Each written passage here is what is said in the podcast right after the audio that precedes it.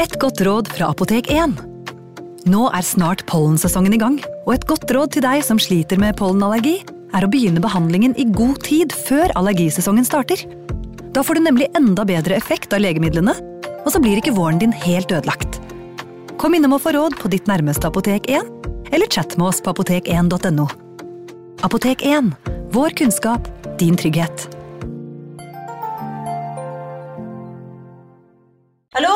Jeg kommer fra Oslo politikammer. Ine Jansen er purk. Er du purk? The motherfucking bitch. Alt jeg vil, er å finne ut hva som skjedde med mannen min. Jon Carew. Er jeg sikta for noe? Iben Akeli. Det er du. Ole So, Lars Berrum og Big Daddy Karsten. Hvem sin side er du på, egentlig? Anette Hoff, Tone Danielsen, Kommer du fra Afrika? Jørnis Josef, Nesten kløfta. Trond Espen Seim, Det er synd å si det, men det var feil mann som døde. Purk. Premiere tirsdag på TV2 Play. Hei! Takk for at du lytter til True Crime Podden dokumentar. Skulle du ønske at du kunne høre en ny episode av denne podkasten hver eneste uke? Vel, da er det bare å laste ned podkastappen Untold med en gang. I tillegg til ukentlige episoder av podkaster som Skrekkpodden, Synderne og True Crime Podden, får du masse annet reklamefritt og eksklusivt innhold. Last ned Untold i AppStore eller Google Play, og start din 30 dagers prøveperiode i dag. Thank you.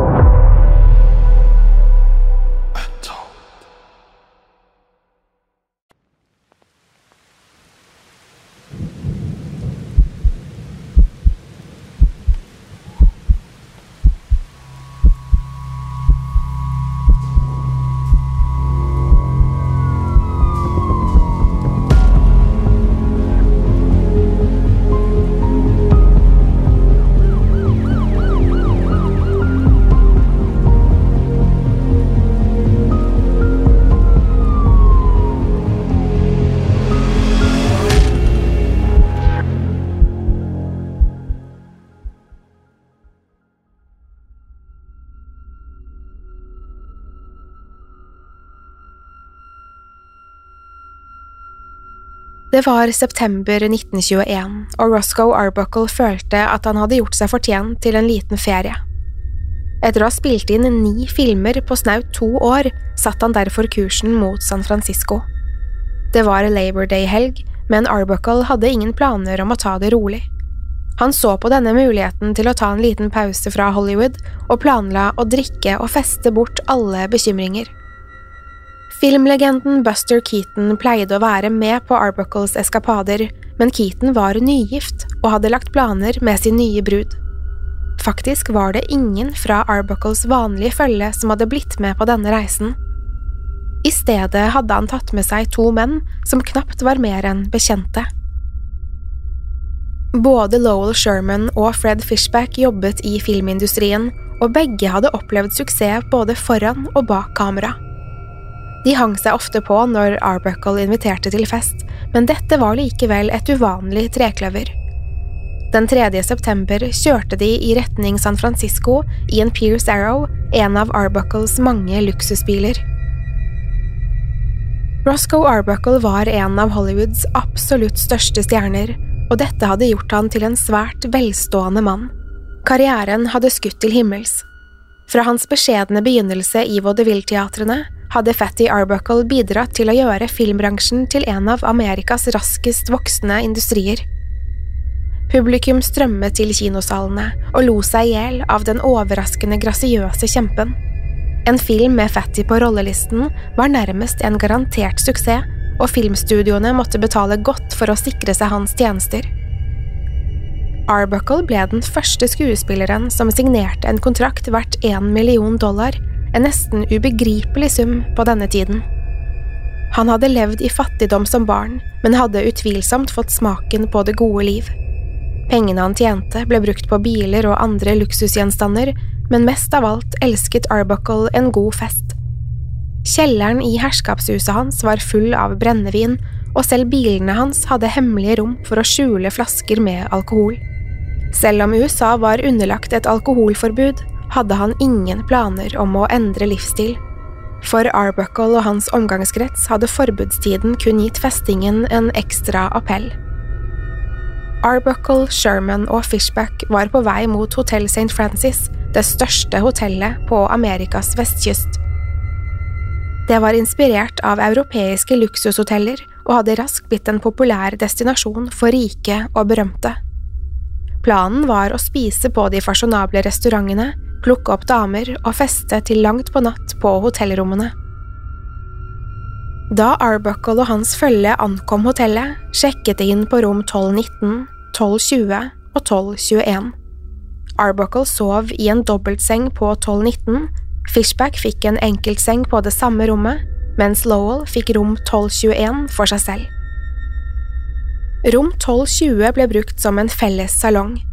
De fikk smuglet inn både gin og whisky og forberedte seg på en fest uten sidestykke. Etter et par sene kvelder på byen hadde mennene blitt kjent med flere unge kvinner som de inviterte til hotellrommet. En av kvinnene som skulle ende opp på festen, var skuespillerinnen Virginia Rappay. Det var i utgangspunktet en rekke tilfeldigheter som brakte henne til San Francisco denne helgen. Invitasjonen fra hennes venn Alfred Semnecker kom som en overraskelse, men presenterte en mulighet til å komme seg ut av Los Angeles. Virginia hadde bakgrunn som modell og klesdesigner, men hadde i de senere år hatt flere mindre roller i spillefilmer. Hun var slående vakker, men ventet fremdeles på sitt store gjennombrudd. På veien til San Francisco hadde Virginia blitt kjent med Maud Delmont, som Alfred hadde invitert med på turen. Både Alfred og Virginia var tilknyttet filmindustrien, men de hadde ingen anelse om at de snart skulle havne på kollisjonskurs med Roscoe Arbuckle. Det var nemlig en bekjent av Fred Fishback som fortalte om en vakker, ung kvinne han hadde fått øye på i lobbyen på Palace Hotel. Han kjente henne ikke fra før, men hadde fått beskjed om at hun het Virginia Rappay, og at hun var skuespiller. Beskrivelsen var nok til å fange interessen til Arbuckle og hans venner. Fishback ringte derfor til hotellresepsjonen og ba dem videreformidle en invitasjon til hotellrommet.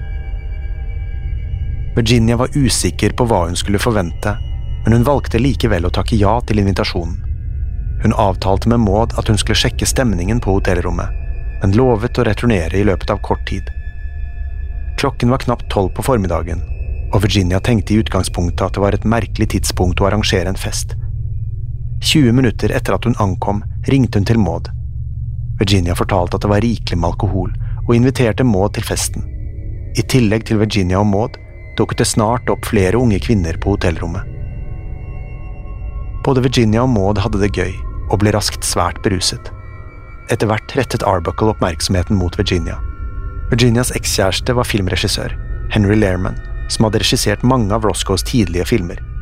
Men til tross for at de begge jobbet i Hollywood og hadde flere felles bekjente, hadde de tilsynelatende aldri møtt hverandre tidligere. Mye tyder likevel på at de raskt fant tonen. De hadde mye til felles, både i oppvekst og bakgrunn, selv om Arbuckles eventyrlige suksess overskygget hennes. I tretiden på ettermiddagen gikk Virginia inn på rom 1219 for å finne et ledig toalett. Arbuckle skal ha fulgt etter henne inn på suiten og låst døren bak seg.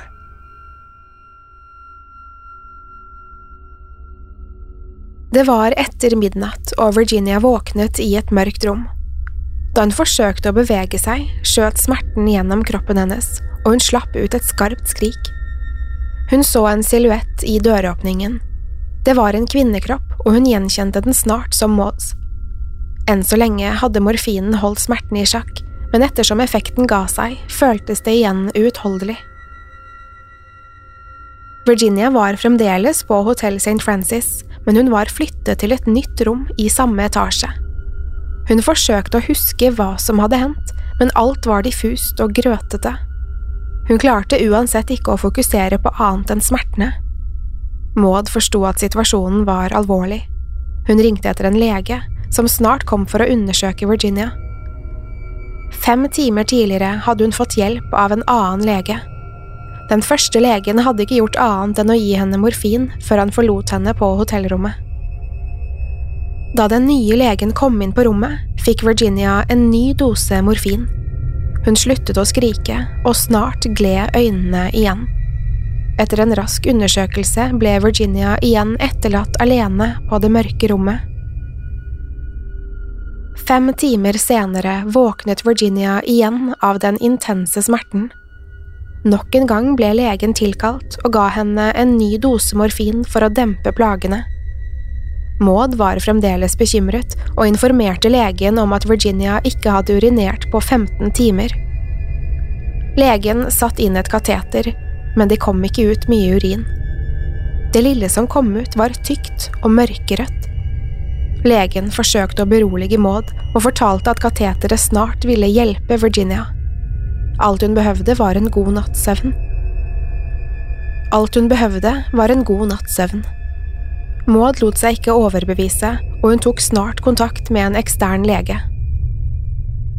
Dr. Melville Rumble ankom hotellet i nitiden på morgenen og tok umiddelbart over behandlingen.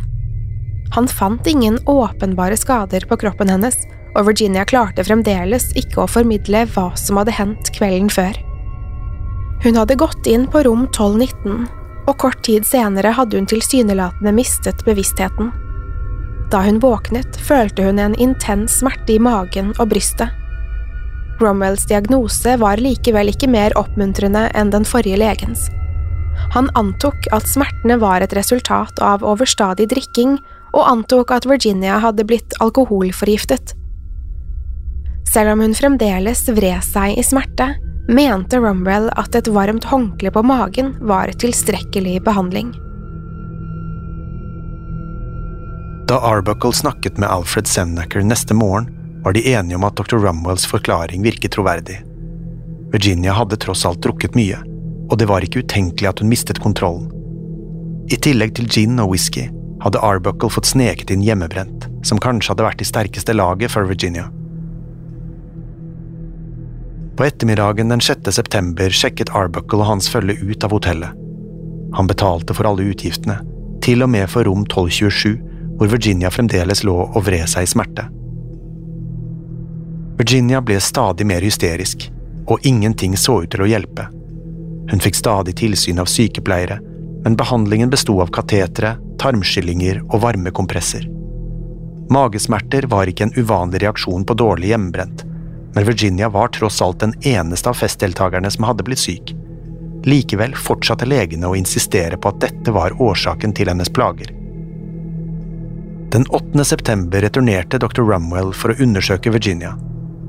Han ble overrasket over at det ikke var noen bedring å spore, og mistenkte nå at det kanskje kunne være snakk om en infeksjon eller muligens en kjønnssykdom. Rumwell følte at det antageligvis ville være lurt å undersøke henne grundigere på et sykehus. Virginia ble dermed fraktet til Wakefield Sanitarium, en klinikk som blant annet spesialiserte seg innen gynekologi og graviditet. Dersom Virginia hadde blitt hastet til et sykehus umiddelbart, hadde kanskje ikke skadene vært livstruende. Men i stedet hadde hun blitt holdt innesperret på et mørkt hotellrom i tre dager, med morfin og varme håndklær som eneste flukt fra smertene. Da hun ankom Wakefield Sanatorium, hang livet hennes allerede i en tynn tråd. Dr. Romwell var fremdeles overbevist om at alkoholforgiftning var årsaken til Virginias smerter. Han antok at det hadde utviklet seg til en form for nyresvikt, en sprukken blære eller en aggressiv infeksjon. Legene fortsatte å behandle henne basert på denne diagnosen, men tilstanden hennes ble stadig verre. Selv om de ikke så noen bedring, stilte de andre legene seg bak Rumwells diagnose. De var enige om at det ikke var aktuelt å operere, da de følte at Virginia var for svak til å overleve inngrepet. Hun ble i stedet satt på antibiotika som skulle ta knekken på infeksjonen. På morgenen den 9. september var Virginia så svak at hun knapt klarte å holde øynene åpne.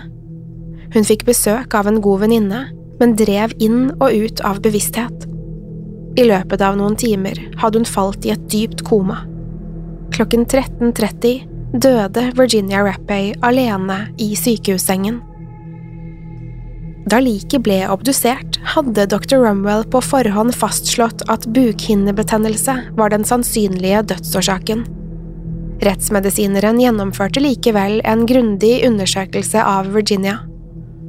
Her fant han ingen umiddelbare tegn på vaginal penetrering, men noterte to blåmerker på hennes høyre arm i tillegg til to på låret. Mest påfallende var likevel hennes oppblåste mage. Etter å ha undersøkt alle organene kunne rettsmedisineren bekrefte at blæren hadde sprukket, og at dette hadde ledet til Virginias død. En ny obduksjon ble utført senere samme dag av dr. Shelby Strange. Denne gangen ble det notert langt flere blåmerker på kroppen hennes. Totalt elleve ulike blåmerker ble funnet på Virginias armer, kropp og lår. Skadene på Virginias organer ble også tolket annerledes. Den forrige obduksjonen konkluderte med at betennelsen hadde fått blæren til å sprekke, men dr. Strange reverserte kausaliteten. Han mente nemlig at blæren hadde sprukket, og at dette var årsaken til betennelsen. Dette innebar i så fall at noen måtte ha påført Virginia denne skaden.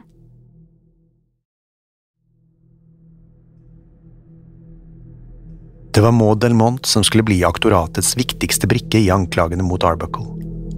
De andre kvinnene som hadde vært til stede, ble nemlig vurdert som mindre pålitelige kilder. Maud, derimot, fremsto som et pålitelig og sympatisk vitne. Til tross for at hun knapt kjente Virginia, hadde hun gjort alt hun kunne for å hjelpe henne. Maud hadde også blitt ved Virginias side helt frem til hennes død. Hun hadde ingen åpenbar agenda mot Arbuckle, og hadde kun kjent Virginia i noen få dager. Det fremsto derfor som lite sannsynlig at hun skulle ha noen grunn til å lyve. Maud hevdet at Virginia hadde blitt lokket til hotellrommet av Arbuckle. Angivelig skal han ha kommet med flere lovnader om hvordan han kunne hjelpe med å ta neste karrieresteg. Maud fortalte at Virginia frivillig hadde gått inn på toalettet i rom 1219, men da hun forlot badet, ble hun grepet av Arbuckle.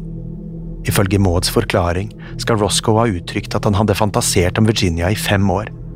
Denne delen av forklaringen virket å underbygge Arbuckles påstand om at han kjente Virginia fra før. Etter å ha grepet Virginia skal han ha smelt igjen og deretter låst døren. Da Virginia ikke returnerte til festen, ble Maud bekymret. Hun ropte og sparket i døren, men fikk ingen svar fra den andre siden.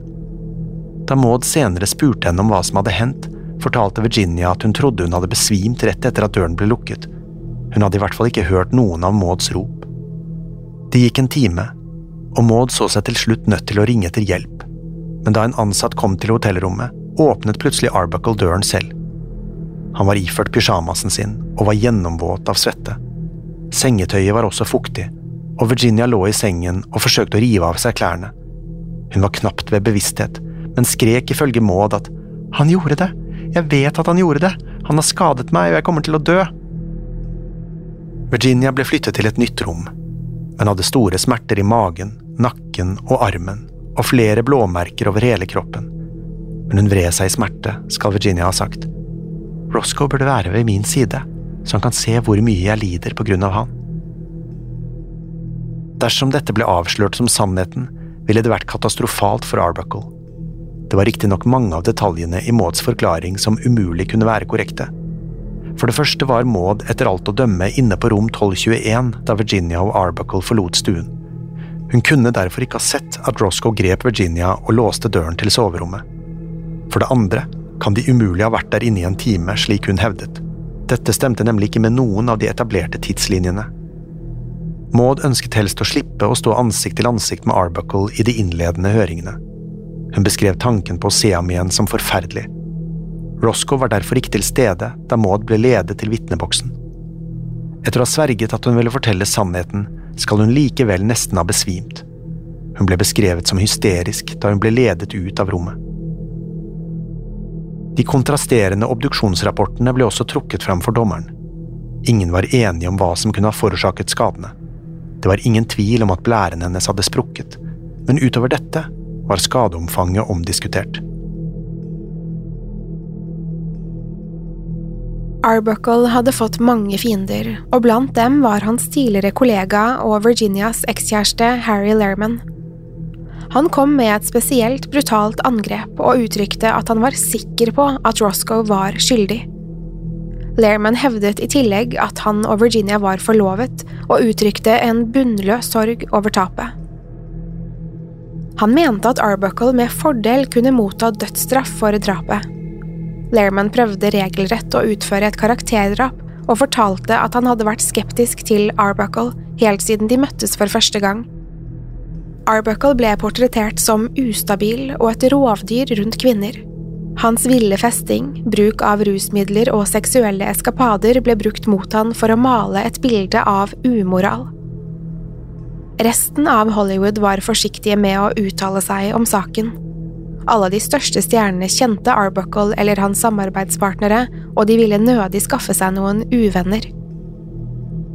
Både studioene og enkeltpersoner unngikk å komme med konkrete uttalelser, og de færreste turte å si noe som helst. Kun hans beste venner, deriblant Buster Keaton og Charlie Chaplin, gjorde det klart at han hadde deres fulle støtte.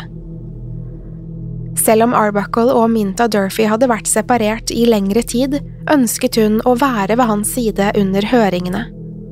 Hun hadde aldri utelukket at de en dag ville finne tilbake til hverandre, men enn så lenge ønsket hun i det minste å være hans støttespiller. Ryktet til Roscoe Arbuckle var uansett ødelagt. Den en gang så populære skuespilleren, kjent for å få alle til å le med sine tullete filmer, ville aldri bli vurdert på samme vis igjen. Selv om han skulle bli frikjent for drapet, var historien som kom ut nok til å farge offentlighetens inntrykk av skuespilleren. Filmene hans hadde stort sett vært uskyldige og søte fortellinger der den klønete kjempen til slutt ble helten. Bare tanken på hans løssluppende moral var nok til at publikum mistet interessen. Ideen om at han faktisk kunne være skyldig i både overgrep og drap, var totalt uforenlig med hans elskverdige Fatty-persona. Fatty hadde vært en mann av folket. Beretningene som kom ut om Roscoe Arbuckle, var noe helt annet. Han ble nå beskrevet som et monster, korrumpert av penger, suksess og begjær. Mens Roscoes karriere lå i grus, fikk plutselig Virginia oppmerksomhet hun bare kunne drømt om da hun fremdeles var i live. Filmene hennes ble satt opp på kinoene, der Arbuckle sine filmer ble fjernet én etter én. Til tross for at hun hadde små roller, ble hennes navn nå skrevet med store bokstaver øverst på filmplakatene. Bilder fra hennes modellkarriere ble trykket på nytt, og fremstillingen av den vakre unge kvinnen bidro til å styrke hatet mot Arbuckle. Virginia ble nå portrettert som en uskyldig, nesten naiv ung kvinne som ble lokket i døden av et monster. Det var en nesten umulig oppgave for forsvarsadvokatene å reparere offentlighetens inntrykk av Roscoe. Oppfatningen av Arbuckle var så preget av avisenes dekning av saken at det også ble vanskelig å sette sammen en jury. Mange hadde allerede gjort seg opp en mening, og de fleste vurderte allerede Roscoe Arbuckle som skyldig. Da Maud Delmont igjen skulle vitne i høringene, fremsto hun nervøs og usikker. Hun tok hyppige slurker av vannglasset og ble åpenbart påvirket av Arbuckles stirrende blikk. Maud la frem et hendelsesforløp som minnet om det hun tidligere hadde presentert, men hun hoppet over noen sentrale detaljer. Denne gangen nevnte hun ikke at Arbuckle hadde grepet Virginia for å så å smelle igjen døren. Det var likevel ingen tvil om at Maud forsøkte å få Roscoe til å fremstå skyldig. Hun inkluderte blant annet sitatene fra Virginia, som i stor grad bidro til å inkriminere han. Maud innrømmet at hun selv var svært beruset på festen. Hun skal ha drukket åtte eller ti glass med whisky, i tillegg til flere glass med gin på et senere tidspunkt. Likevel var hun overbevist om at hun kunne gjengi hendelsesforløpet korrekt. Sykepleierne som hadde tatt seg av Virginia, bidro umiddelbart til å styrke Arbuckles sak. De hevdet nemlig at Virginia hadde klaget over magesmerter i flere uker. En annen sykepleier fortalte at Virginia hadde innrømmet at hun frivillig hadde sex med Roscoe, men at hun ikke ville at Harry Lerman skulle finne ut av det. Disse vitneutsagnene fikk likevel ikke spesielt mye oppmerksomhet. Forklaringene til de to gjenværende kvinnene fra festen, Zay Prevost og Alice Blake, ble nå sett på som viktigere enn noensinne. Aktoratet fryktet at Maud hadde mistet mye av sin troverdighet, og håpet at Zay og Alice kunne underbygge hennes historie. Kvinnene kunne bekrefte mange av detaljene fra Mauds forklaring, blant annet Virginias forsøk på å anklage Roscoe for overgrep. De gjenga ikke sitatene ordrett, men de samsvarte i stor grad med Mauds utsagn. Zay Prevost skal riktignok ha fortalt en ganske annen historie ved en tidligere anledning, så det er vanskelig å vite med sikkerhet om hun fortalte sannheten. Roscoe Arbuckle nektet fremdeles å uttale seg i retten, noe han heller ikke var pålagt å gjøre. Til tross for flere oppfordringer fra aktoratet hadde ikke Roscoe noen planer om å endre strategi. Da den tiltalen ble lest opp, kom det frem at juryen var overbevist om at det var Roscoe som hadde påført skadene på Virginia Rappey. Da det også ble vurdert at disse skadene hadde ledet til hennes død, ble han siktet for uaktsomt drap. Påtalemyndighetene var riktignok ikke fornøyde med denne tiltalen. De var fremdeles innstilt på å få Arbuckle dømt for overlagt drap. Dette var bare begynnelsen på den rettslige prosessen. Over de neste månedene skulle det følge ytterligere tre rettssaker mens Roscoe Arbuckle kjempet en desperat kamp for å bli frikjent.